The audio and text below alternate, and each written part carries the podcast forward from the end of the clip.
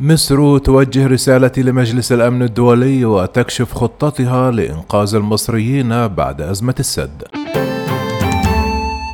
وجهت مصر ممثلة في وزارة الخارجية رسالة إلى مجلس الأمن الدولي حول سد النهضة قائلة أنه بعد عشر سنوات من المفاوضات تطورت القضية إلى حالة تسبب حاليا في احتكاك دولي يمكن أن يعرض استمراره السلم والأمن الدولي للخطر وعليه عملا بالمادة الخامسة وثلاثون من الميثاق فقد اختارت مصر أن تعرض هذه المسألة على مجلس الأمن الدولي.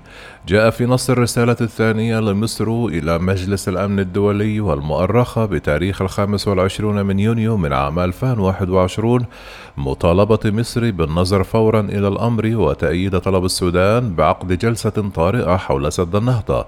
قال وزير الخارجية سامح شكري في رسالة أن الوضع يشكل تهديدا وشيكا للسلم والأمن الدوليين ويتطلب أن ينظر فيه المجلس على الفور. وطلب شكري بحسب الرسالة ضرورة عقد جلسة عاجلة تحت بند الأمن والسلم في إفريقيا. وتضمنت تأييد مصر لما قدمه السودان في رسالته الأخيرة وتأكيدا أنه بعد عشر سنوات من المفاوضات تطورت المسألة إلى حالة تتسبب حاليا كما جاء في نص المادة الرابعة والثلاثون من ميثاق الأمم المتحدة. أن يمكن حدوث احتكاك دولي يعرض استمرار السلم والأمن الدولي للخطر وعليه فقد اختارت مصر أن تعرض هذه المسألة على مجلس الأمن الدولي عملا بالمادة الخمسة وثلاثون من الميثاق.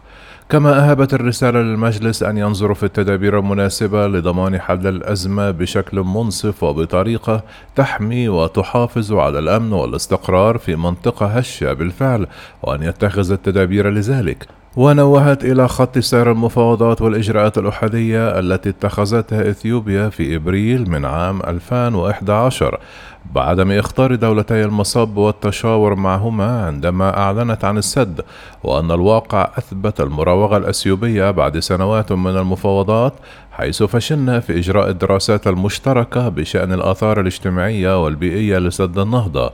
وليس لدى مصر والسودان أي ضمانات تثبت سلامة هذا السد الضخم واستقراره الهيكلي بما يثير القلق بوجه خاص لدى السودان التي تشغل عدة منشآت للطاقة الكهرومائية على طول النيل الأزرق أهمها صيد الروسيروس ولا يقل إثارة للقلق لدى مصر التي يمثل بالنسبة لها ضمان سلامة السد العالي في أسوان وأن الحفاظ على متانة وأدائه لوظائفه مسألة ذات أهمية قومية قصوى. من جانبه كشف وزير الري المصري محمد عبد العاطي عن استراتيجية مصر لمواجهة التحديات الخاصة بالمياه خصوصا بعد أزمة سد النهضة. وقال إن أي نقص في الموارد المائية سوف يتسبب في أضرار جسيمة. حيث أن نقص واحد مليار متر مكعب من المياه سيتسبب في فقدان 200 ألف أسرة لمصدر رزقهم الرئيسي في الزراعة وهو ما يعني تضرر مليون مواطن من أفراد هذه الأسر. وأوضح أن قطاع الزراعة في مصر يعمل به 40 مليون نسمة على الأقل وبالتالي فإن أي نقص في الموارد المائية ستكون له انعكاسات سلبية ضخمة على نسبة كبيرة من سكان مصر حيث سيؤدي فقدان فرص العمل لحالة من عدم الاستقرار المجتمعي التي ستؤدي لموجة كبيرة من الهجرة غير الشرعية للدول الأوروبية وغيرها أو انضمام الشباب للجماعات الإرهابية.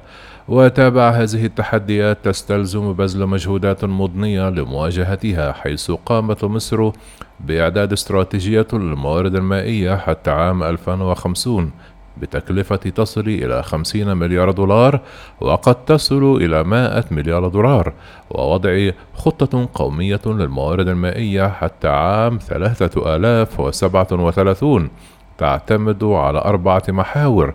تتضمن ترشيد استخدام المياه وتحسين نوع المياه وتوفير مصادر مائية إضافية وتهيئة المناخ للإدارة المثلى للمياه.